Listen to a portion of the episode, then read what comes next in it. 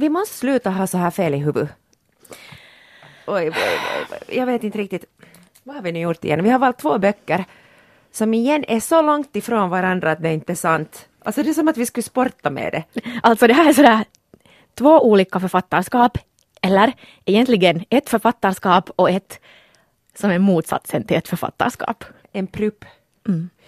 Det, det, är lite så här, om, jag, om man skulle säga, som att man i ena handen skulle ha en Ming-vas från Ming-dynastins början, till exempel från 1368, och där inne i vasen så skulle det sitta en påfågel med mycket stark integritet. Och i andra handen så har man en glittrig topp som kostar tre euro. Just det, och den är tillverkad av någon barnarbetskraft i Bangladesh. ja. Och går sönder efter en användning. Är det, är det mm. Det här är jättebra. Det är det vi har att jobba med idag, de här böckerna. Ja, vet du. Alltså jag är lite nervös.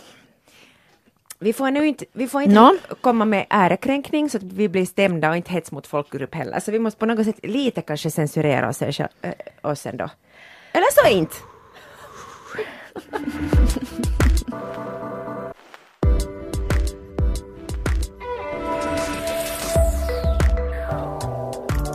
Det här är alltså Bokpodden Hietanen och Henriksson. Välkomna i vårt sällskap. Anne, vad är det riktigt för böcker vi har med oss den här veckan? Carolina Ramqvist, Det är natten och uh, Hatad och älskad av alla av Kissy.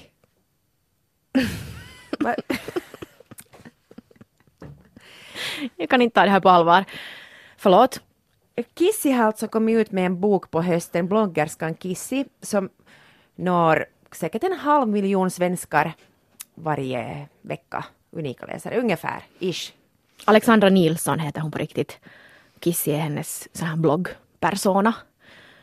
Och hon har skrivit den här boken tillsammans med Ylva Enström, författare och skribent. Ja, är hon författare faktiskt? Den här, eller är det bara en kompis? Och så står det här men... Alltså vem som helst kan kalla sig författare nu för tiden. Det är sant.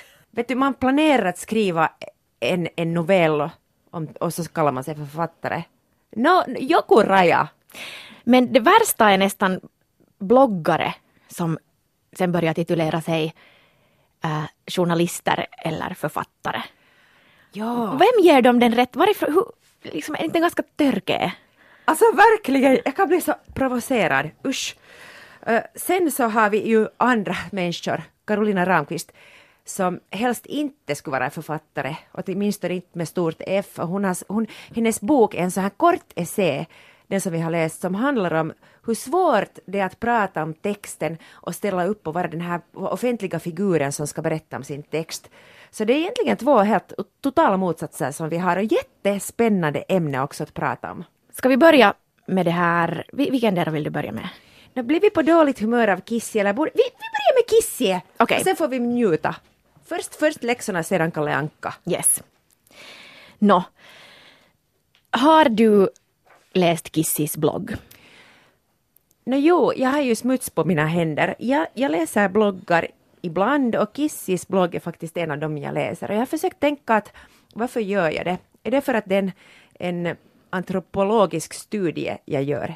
Är det på grund av fem lager av ironi och um, filosofisk aspekt? Nej, det är för att, att jag är en sjuk människa som har sjuka nöjen. Jag tittar på Real Housewives of någon av den där tycker jag uh, något, kanske Hollywood. Och, och, och det är något med mig som gör att jag kopplar av så förbaskat bra när jag gör det här. Och sen så vissa bloggar läser jag och jag vet inte varför jag gör det men något får jag tydligen ut av det. Och det jag läser inte med förakt eller hat utan jag tycker det är ibland lite roligt att titta vad Kissie gör. Och jag tror att jag tänker på det lite som att hon är ett husdjur jag följer med. Eller, eller ska vi säga en människa jag följer med. Okej, okay, hat, det är ett för starkt ord. Men, men jag, jag läser det tror jag för att jag är en dålig människa. Ibland när jag kommer till jobbet brukar jag hälla upp en kopp kaffe och sätta mig framför datorn och registrera gotta mig i att få känna mig lite fiffigare. Eller få känna mig lite överlägsen. Mm -hmm. Ja. När jag läser sådana här bloggar som inte handlar om något annat än att vara känd. Det är för det är någonting jag föraktar mest i världen. Alltså folk som vill vara kända bara för att vara kända. Oj, det föraktar jag också. Jag föraktar det så mycket att jag nästan brinner upp när jag tänker på Mm, det. eller hur? Och redan det där ordet kändisskap, eller att, att aj, den är känd, så det är något så fult och något så sjaskigt över det att, att ja, det är... Men ändå inser jag ju att jag bidrar till det Ja, det med mina det. små klick. klick, klick, klick, klick. Och Jag- nu att vi ens har den här boken i vår hand. Nå, jag är ju skyldig till det, för att nej, men jag, jag, jag tycker ju lite om Kissy faktiskt. Och jag ville nu läsa hennes bok, hon gjorde hemskt mycket reklam för den på sin blogg och, och jag går ju alltid på reklam. Jag har nog ibland också samma nagellack som hon har på sig. Så blir jag lite inspire- inspirerad. Nu just här samma nagellack som i sista säsongen av Girls, som Marnie har det här nagellacket i del 1 och del 2. Åh. Tycker du synd om mig? Nej, jag tycker det är ljuvlig. Um, så jag kan inte riktigt förklara varför jag kollade det här Kissy för att eh, jag tänkte sådär att om jag, om jag skulle vara 30 år yngre så skulle jag kanske tycka att, hon, att jag skulle beundra henne och använda ännu fler av hennes nagellack. Mm, så tänkte jag att är det för att hennes värld är så annorlunda än min, men inte är den ju så annorlunda, alltså på det sättet att mm, det här med allt som hon tycker är glamoröst, stylister och fot- photoshoots och in, tv-inspelningar och biopremiärer och kändisfester, det är sånt som också är en del av min vardag, inte något jättestort. Men det är också, jag, jag tycker inte att det är något extra. Så att jag, jag är inte sådär att wow, hon får gå där och mingla i Stockholm med den där. Jag vet inte riktigt vad det är. Kanske är det någon, hon har ju inte så hemskt mycket självkritik, eller distans ska vi säga. Och jag tror att jag tycker att det är skönt. Ja, hon representerar ju en sån där, oj, nu äckligt ord, men en generation av unga tjejer som tar för sig. Mm, det är fint. Ja, hon har ju, hon har ju nu på något sätt försökt ändra sin image från den här eh, att hon har varit en jätteprovokativ, att hennes främsta mål har bara varit att få så mycket uppmärksamhet som möjligt genom att provocera och vara ganska elak och, och göra dumma saker för att få uppmärksamhet. Och nu försöker hon då ge en lite mer kanske mogen bild av sig själv via den här boken där hon blickar bakåt och på något sätt analyserar sin egen utveckling. Hon hade bloggat i hur många herrans år. Hon började när hon var 15. Så då har man ju kunnat få följa med när hon växer upp. Och, Ja, jag kämpar med, med det här att inte se det som en vansinnig form av opportunism, men jag tycker att det är så väldigt lätt att man gör någonting fult eller äckligt och sen på något sätt så skriver man om historien i efterhand att men det var för att jag var feminist, att förstår ni inte det? Eller att, no, det där menar jag inte, men det där så, så, så, så gör man den historien lite annorlunda. Jag tycker att, att hellre då säga att jag var ett rövhål, förlåt, ursäkta men säger hon inte på, på några ställen. Ajo. Jag tyckte jag fick lite, alltså mini-mini lite sympati för henne när jag läste den här boken. För att hon på riktigt har varit 15 år och helt dum i huvudet. Vem har nu inte varit en idiot när man är 15? Men bara för att hon har haft en så stor eh, publik som har följt med så har allt varit ute i det offentliga. Och att hon har verkligen blivit jätteutnyttjad av vuxna människor inom medievärlden. Det tyckte jag var ändå kanske någon slags fin gärning att hon lyfter upp det nu i rampljuset. Vad, vad, vad som egentligen pågår där bakom kulisserna och hur ja, vuxna människor utnyttjar barn. Hur kan vuxna människor utnyttja ett barn? Plus att, ska vi ta till exempel, jag tror att Katrin Zytomierska som jag pratade om tidigare här i podden sa att jag tror att hon också gick ut och kastade skit och hat på det här. Vet du, en vuxen kvinna som börjar shama en 15-åring, vad är det för något? Mm. Och hon är ganska kritisk mot sina egna föräldrar också. Att föräldrarna bara lät henne vara i fred där på internet och hade inte riktigt koll på, eller ville inte ens ha- ha någonting att göra med hennes bloggpersona. Att, att hon är, nu i efterhand efterlyser lite mer ansvar från sina egna föräldrar också. Att hur kunde ni bara låta mig göra allt sådant? Det blir jag lite till, illa till mods av. Jag är sådär att jag tycker att man får aldrig hänga ut någon och så tänker jag att vad vet vi om de där föräldrarna? De, vi har inte hört någonting av dem. Att kunde hon inte ta det privat med dem? Ja, no, ingenting är ju privat här. Det här är Nå, ju just sån här äh, offentlig smutsbyk. Ja, eh, och sen så hon skriver inte vissa personer med, med deras riktiga namn men D-bag, så det är inte så svårt att lista ut vem det är ifall man eh, som jag ibland ändå följer med det här skvallret. Vem är det? Men man får inte säga det. Okej, jag är inte så här insatt. Spegeln går sönder. Nej men hon har inte, hon har inte velat bli stämd och därför har hon inte sagt det. Du måste Okej, du- vi ska inte heller bli stämda. Ja, Nej, nu får man väl säga det men tja, jag, jag tror att eh, budskap, det, det- jag tror att den här boken kan vara helt nyttig för unga tjejer kanske.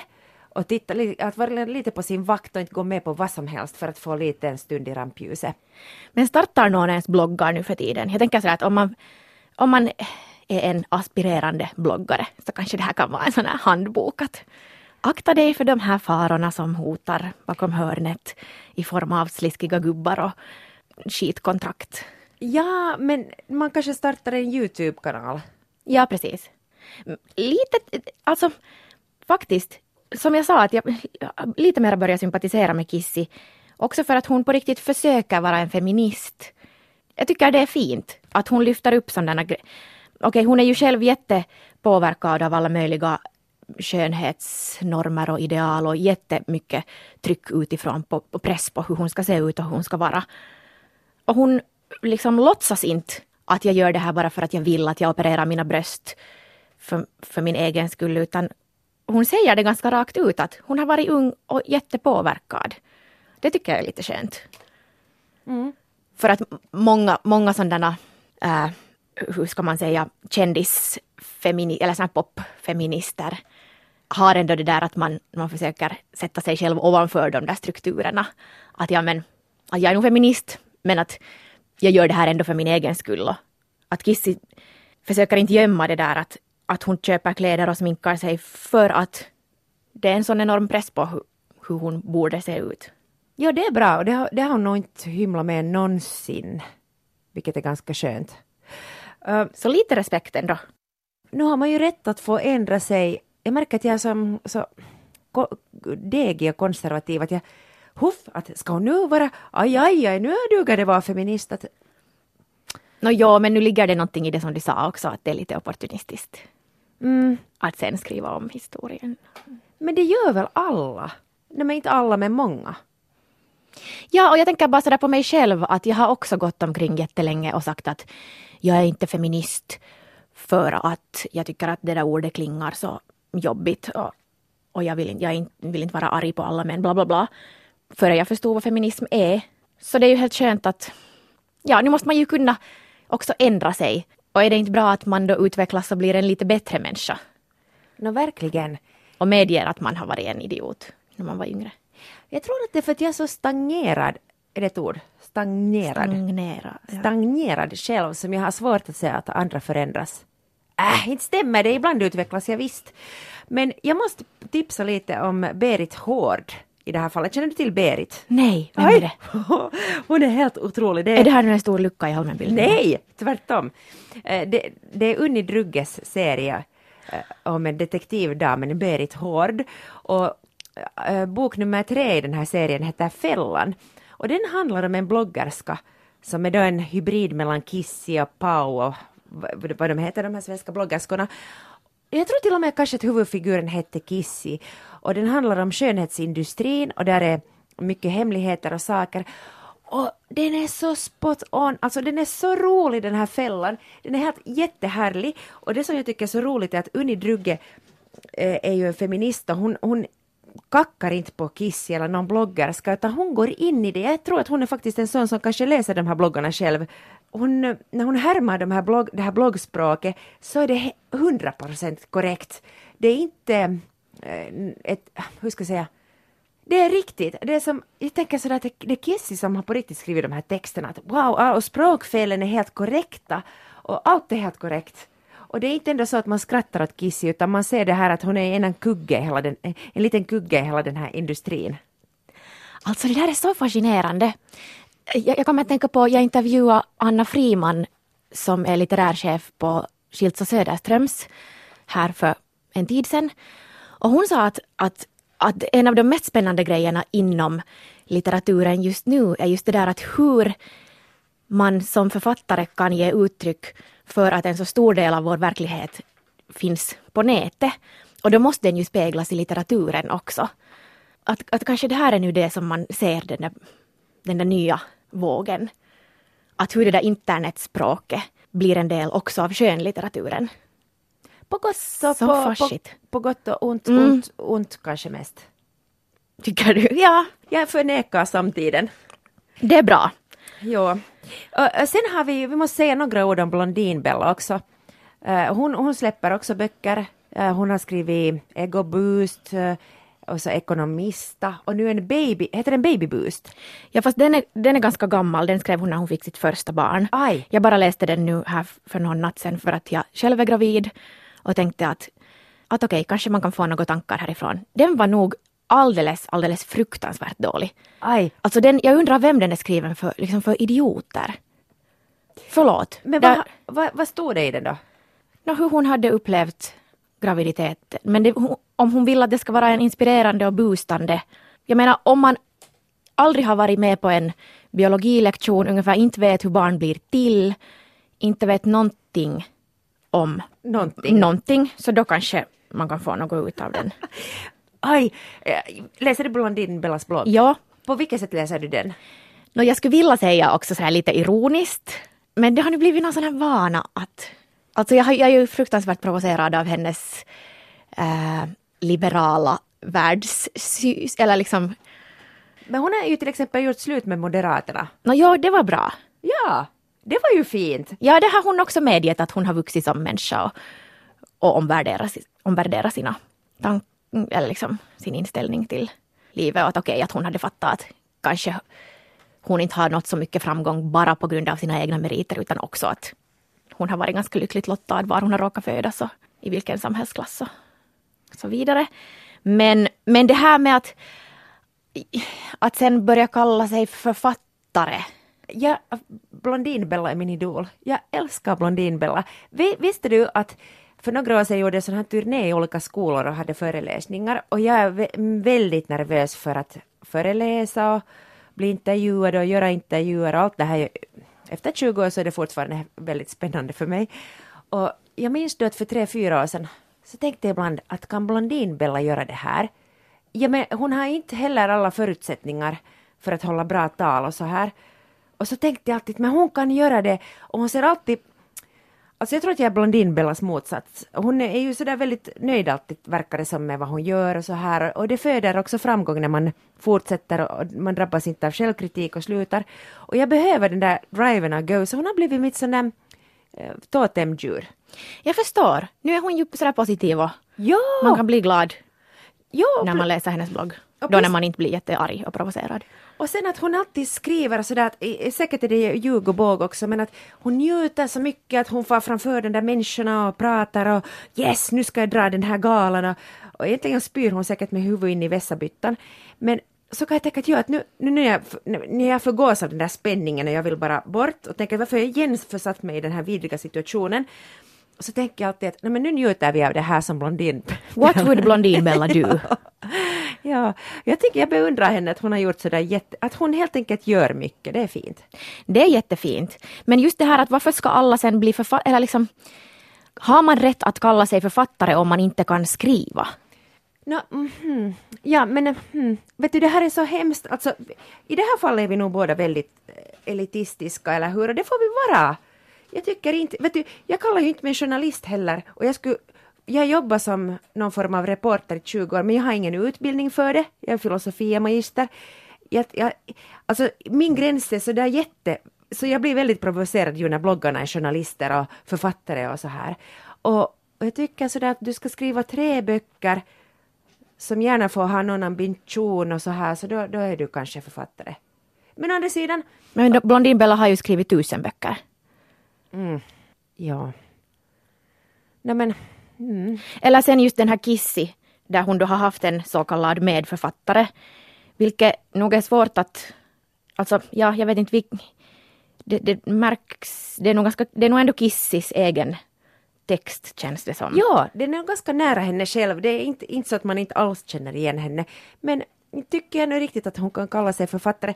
Men, eller det borde finnas olika. Författare är författare och så borde det finnas något annat, vet du, någon sån här kändisskribent. Ja, som vill ge en bo- ut en bok som är en förlängning på den där bloggen då. Mm. Vet du, vi kommer få så mycket skit för det här vad vi säger nu. Men nu måste man ju få säga det. Ja. Ni får, alltså ni får jättegärna opponera er och, och mejla oss om ni tycker att vi har helt fel. Tänker i- du ge våra e-postadresser? jag ger inte min. Ida.henriksson at yle.fi. Ni kan mejla mig. Alltså, Jag är van att få hat. nej, nej, nej. Men alltså, nej, men man får ju väl kanske bestämma själv. Man får väl tänka själv hur det är. Men att så här är det väl, att det finns två sidor. Det finns det här extremt folkliga, där man tittar på den här för, författarpersonen, att det är den här kändisen som fladdrar fram och kanske sitter i soffor och prällar och har sig och är framme.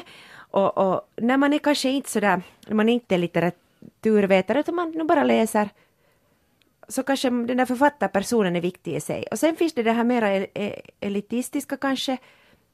Och jag menar det är inte negativt, det vet du. Kultursidan som, som ser på boken och texten mera. Och, och som inte skulle ens behöva det där författarporträttet.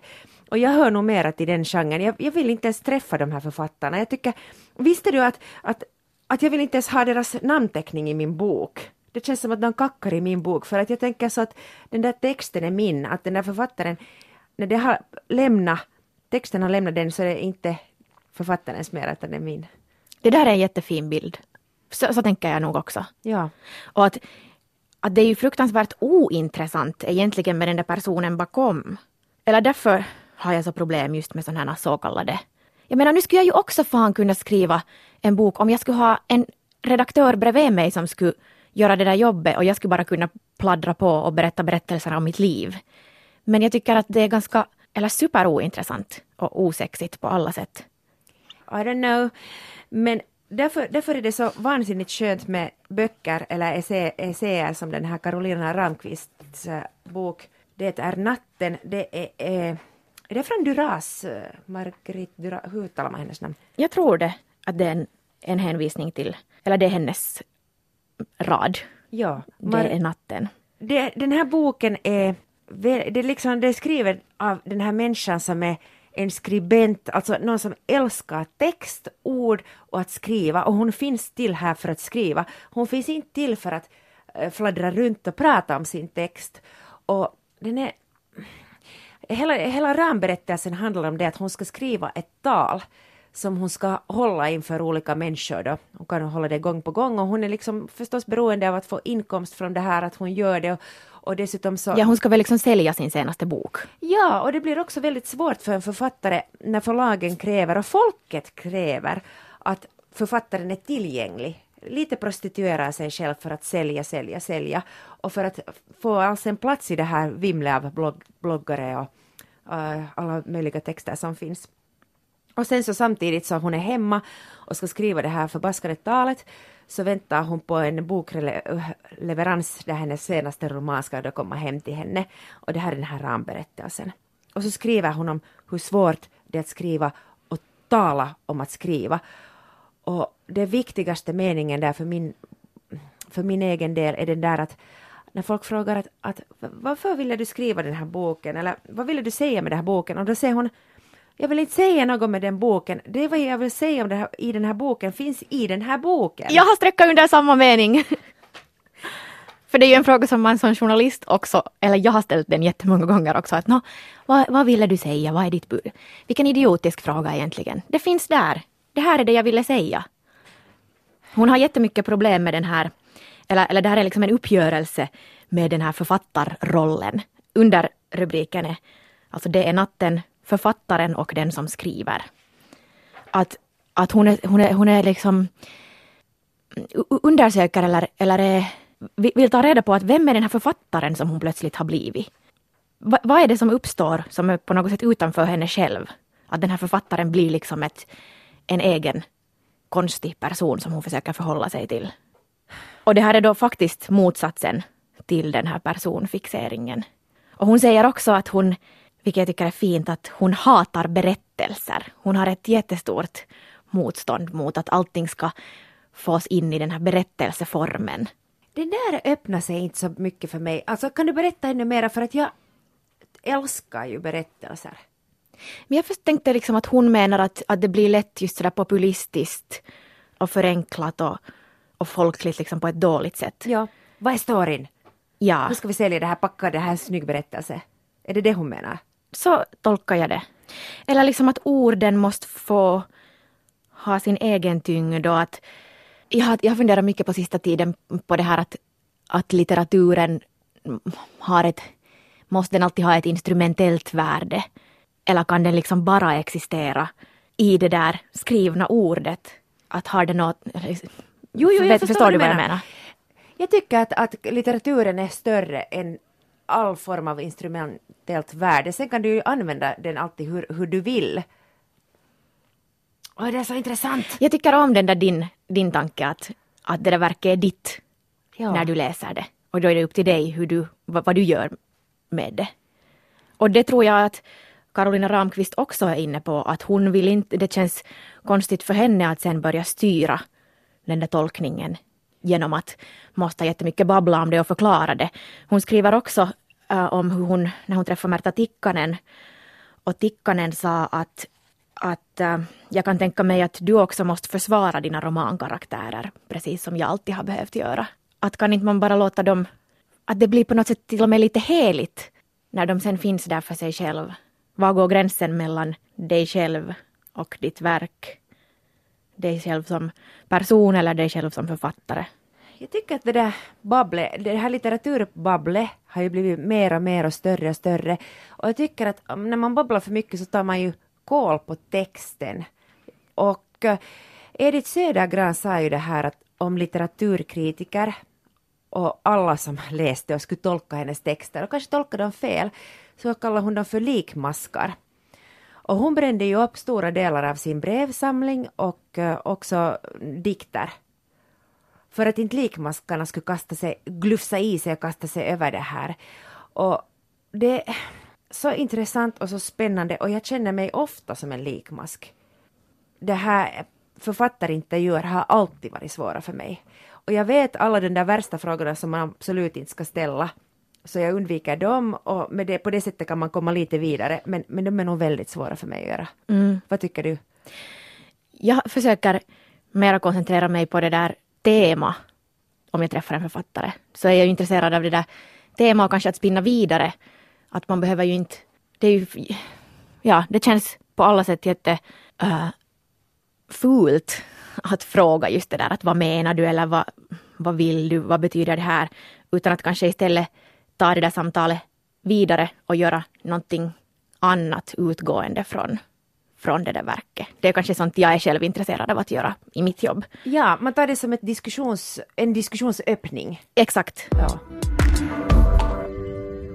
Vad tycker du förresten om det här Ida, att förlag nu för tiden kan anlita sådana här sensivity readers som läser texten och, och kollar att är det för mycket sexism eller rasism i de här böckerna och då kan man sätta någon sån här varning på den eller författaren kanske kan ännu ändra sig. Till exempel J.K. Rowling har skrivit om, heter det Navajo-indianerna? på ett sätt som var kränkande helt enkelt. Och hon fick mycket kritik för det och då tänkte man att, att hon skulle ha fått någon själv som skulle ha läst tidigare och sagt att hej det här är inte respektfullt.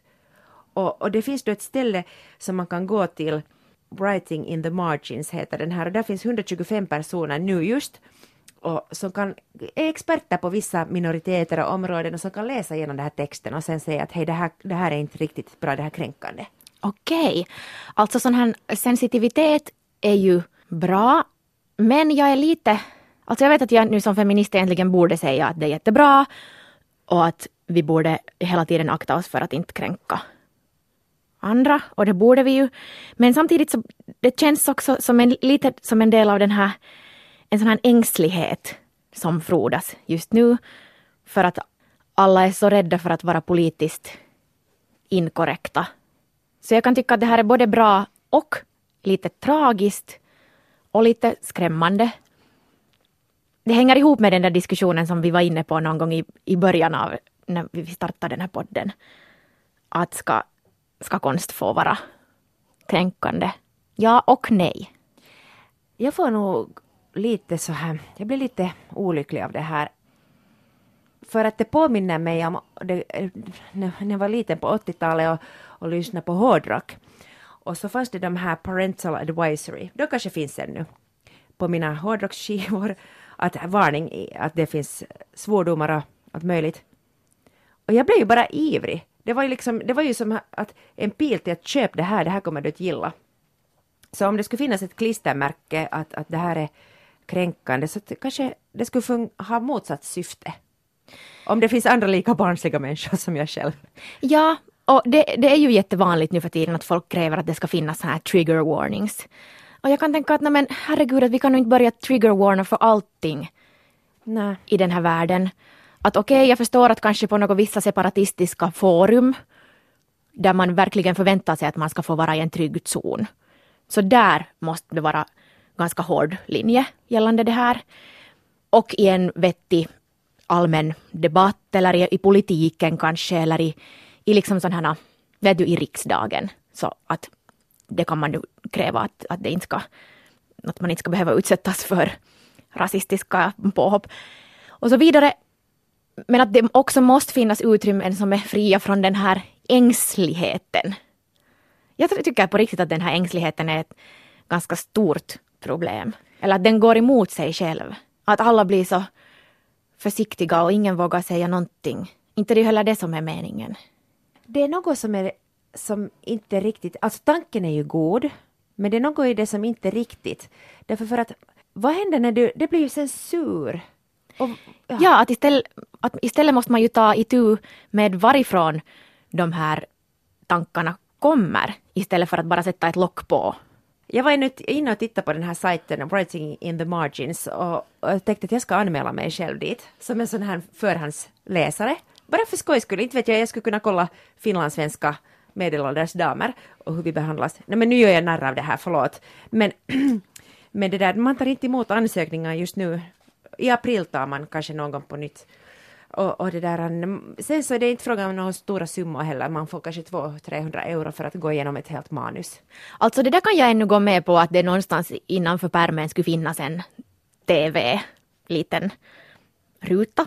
Men det där att man sen går och petar i det där verket jag är nog ganska hård där. Nej, man, får, man får inte kränka verket på det viset. Jag tycker du ska läsa det där Nabokovs Lolita och, och sträcka under. TV. skulle, Usch vad tråkigt. Det, skulle vara fruktansvärt. Tänk om man skulle gå igenom allt och så ska man göra det där. Säkert gör man det på någon kurs i Sverige. Men alltså det handlar ju också om att att nu kan man ju visa, liksom, inte behöver man ju börja efteråt och censurera historiska verk. Men att idag kan man ju sätta dem i något sammanhang. Att okej, okay, till exempel om man visar, vad det nu har varit för alla möjliga debatter i Finland om att de har visat rasistiska Pekka och Pätkä-filmer med en ordet i, i titeln och med blackface och så vidare. Att okej, okay, då kan man fråga sig att ska man överhuvudtaget visa de där filmerna? Men om man bestämmer sig för att visa dem, så istället för att börja censurera, så sätta in dem i ett sammanhang och ha en diskussion. Okej, okay, den här filmen eller det här verket har uppstått i en sån här tid. Hur ser vi på det idag? Men det där att gå in och peta i verk. För tänk sen när Sannfinländarna kommer med sina egna trigger warnings. Just det. Nu hoppar jag helt för att jag ser att jag har skrivit mitt svettiga häfte om Carolina Ramqvist. Det är natten så, så har jag skrivit då pinsamt med alla intervjuer och så skriver jag ett citat eh, det är en journalist då som är hemma hos Carolina Ramqvist på landet. Jag förstår inte varför hon faktiskt har gått med på att ta hem den här journalisten dit, men den där journalisten var påstridig. Och så säger journalisten åt Karolina att du har inte sett mig i ögonen en enda gång. Och så skriver Carolina om den här journalisten att hennes ögon ser ut som inkastare på en porrklubb. jag tycker det är så bra! Och jag kan just tänka, den där äckliga situationen hur den där journalisten, likmasken, uh, nöjeslysti, den lystiga nöj, vad heter det? Den lustfyllda nöjesreportern vill ha scoops och vill ha vet du, allt möjligt. Usch. Sitter med de där ögonen och plir och klär av Carolina med sina porrögon. Så, Och hur mycket man måste tro om sig själv som, förlåt nu avbröt jag dig. nej, alls. Men, men, men det där att, att jag blir riktigt sådär, uff, hur, hur kan man som journalist tro sådär mycket om sig själv? Att jag måste få komma dit, hem till dig för att jag ska kunna se hurdan du är på riktigt. Att, tror du verkligen att, att du är någon slags äh, orakel som bara kan se en människa? Att, då, då, tror man ju nog jättemycket om sina egna talanger som människokännare eller beskrivare. Ja, verkligen. Det var kanske en författare. Jag ska kanske intervjua Carolina Ramqvist snart och, och det blir nog spännande. Nå, här har du nu en instruktionsbok för vad du åtminstone inte ska göra. Det vad jag vet är den frågan som alla, riktig, eller alla skribenter avskyr att, att kan du berätta hur mycket av dig finns i den här huvudrollsfiguren? Sen finns det säkert också folk som tycker att det är en bra fråga men det är kanske inte ofta de här riktigt stora författarna. Men vi har sånt förakt! Så- Men så får det vara. Ja, och det är ju egentligen jätteointressant. Eh, Det var någon, någon eh, recensent som, som skrev om den här essän, Det är natten, om att det är lite som en fickspegel. Och det tyckte jag var jättefint. Och, och sant. Den är, så, den är liten och nätt och fin och man kan ha den i fickan. Och den är, den är så liksom att den reflekterar tillbaka hennes egna, att hon bollar med sig själv och med läsaren. Det är ett sånt ständigt speglande av tankar som aldrig egentligen kommer fram till något, utan det är bara sådana här reflektioner. Som en liten fickspegel som man kan ta fram och öppna. Och ha som, ha som en lite kolla, lite checka sig själv ibland. Var är jag, vem är jag, var går mina gränser? Sen handlar den också lite om hur, man, hur hon kom, kombinerar författarskap och den här eviga frågan att hur svårt det är att vara äh, mamma och författare och kombinera familjelivet och författarskapet. Och, och hon, det, det är kanske inte ändå det som är problemet för Carolina Ramqvist, men hon säger lite samma som, som vi talade här i ett avsnitt om Tone Schundesson, äh, eh, som tyckte att, att det här svåra egentligen är att man hela tiden måste förhålla sig till män och vara tillgänglig för män som kvinnlig författare eller människa. Äh, att den där friheten kommer sen när man inte längre behöver vara tillgänglig för mannen. Att det är egentligen mannen som står i vägen för det kvinnliga författarskapet, inte barnen. Jag intervjuade Martina Haag här tidigare och eh, så frågade jag henne att, att, att du har ju en miljon barn. Hur går det ihop med skrivande? Så sa hon att det var först när hon fick en miljon barn som hon började skriva. Därför för att hon behöver de där yttre ramarna och de där yttre svårigheterna att kämpa emot. Hon sa att för hennes del så skulle det svåraste och mest förödande vara att få en hel stor lugn tom sal där det bärs upp mat med jämna mellanrum och någon säger att gör vad du vill, du har alltid i världen. Så, så det är då som hon skulle få skrivkramp, vet du, unna sig skrivkramp, att hon har behövt de där ramarna och, och den där tiden för att skriva. Men nåja, det är nu ett sätt att se på saken. Helt Ja, att man tvingas vara så effektiv som möjligt. Ja, men, men det här med kvinnor och författarskap, hon citerar ju nu Virginia Woolf som sa att alla de stora kvinnliga författare måste vara barnlösa, det går inte. Men, men nu har ju pappan stigit in lite mera i vissa ställen och börjat lite också vara närvarande. Så den här boken är en av de vackraste jag vet och den är också väldigt dubbel den här pärmen. Alltså eh, på framsidan så är det en bit av texten, det är pärmbilden, för att visa att texten är i fokus. Men på baksidan är det ett enormt författarporträtt som är just det hon kanske också opponerar sig mot, det där författarporträttet. Så den liksom fram och baksidan diskuterar med varandra och, och, och det, det gör det så spännande. Sant, vilken fin analys. Jag kom på det just ja, men den där skulle jag kunna ge åt alla. Den är, den är verkligt fin. Ja, alltså den här, om, om du inte har varit intresserad av skrivande så blir du det när du läser den här. Jag tror inte att man, det går att läsa den här utan att, vill, att det riktigt börjar klia i fingrarna och att man vill sätta sig ner och skriva någonting. Hörni, det går inte så bra för vår tävling som vi utlyste. Vi har inte haft så många deltagare hittills. Nej, faktiskt inte. Vi frågade av er att vilken karaktär, vilken fiktiv gestalt skulle ni... Äh, det kanske för att jag frågade så konstigt så har ni inte kunnat svara på det. Men vi, vi frågar så här. Nej, du får måste fråga, jag har inte något ord. Vil, vilken fiktiv karaktärs liv skulle du vilja leva? Vilken fiktiv karaktärs liv skulle du vilja leva? Så frågar vi, ah jo, usch, och så avslöjar vi själv också. och, det, och det är bara, det är bara att, att svara på det här helt kort. Ta en bild av vad som helst fast en, en kaktus och sätt upp det på Instagram och sen lagar ni hashtaggen Hietanen Henriksson. Så kan ni få böcker av oss. Vi har ganska många böcker som vi skulle vilja skicka ut och det finns riktigt bra böcker också.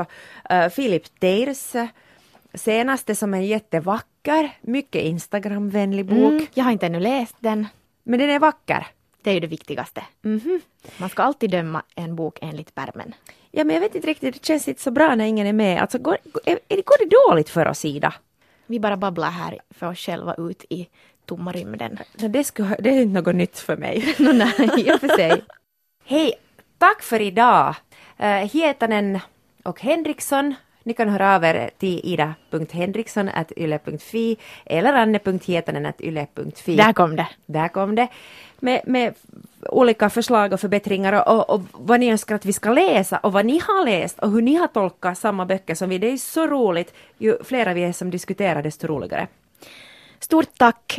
Vår producent heter Kia Svetihin och vi heter Anne Hietanen och Ida Henriksson. Ha det bra. Läs bra och mycket. Eller lite. Eller... Hej då!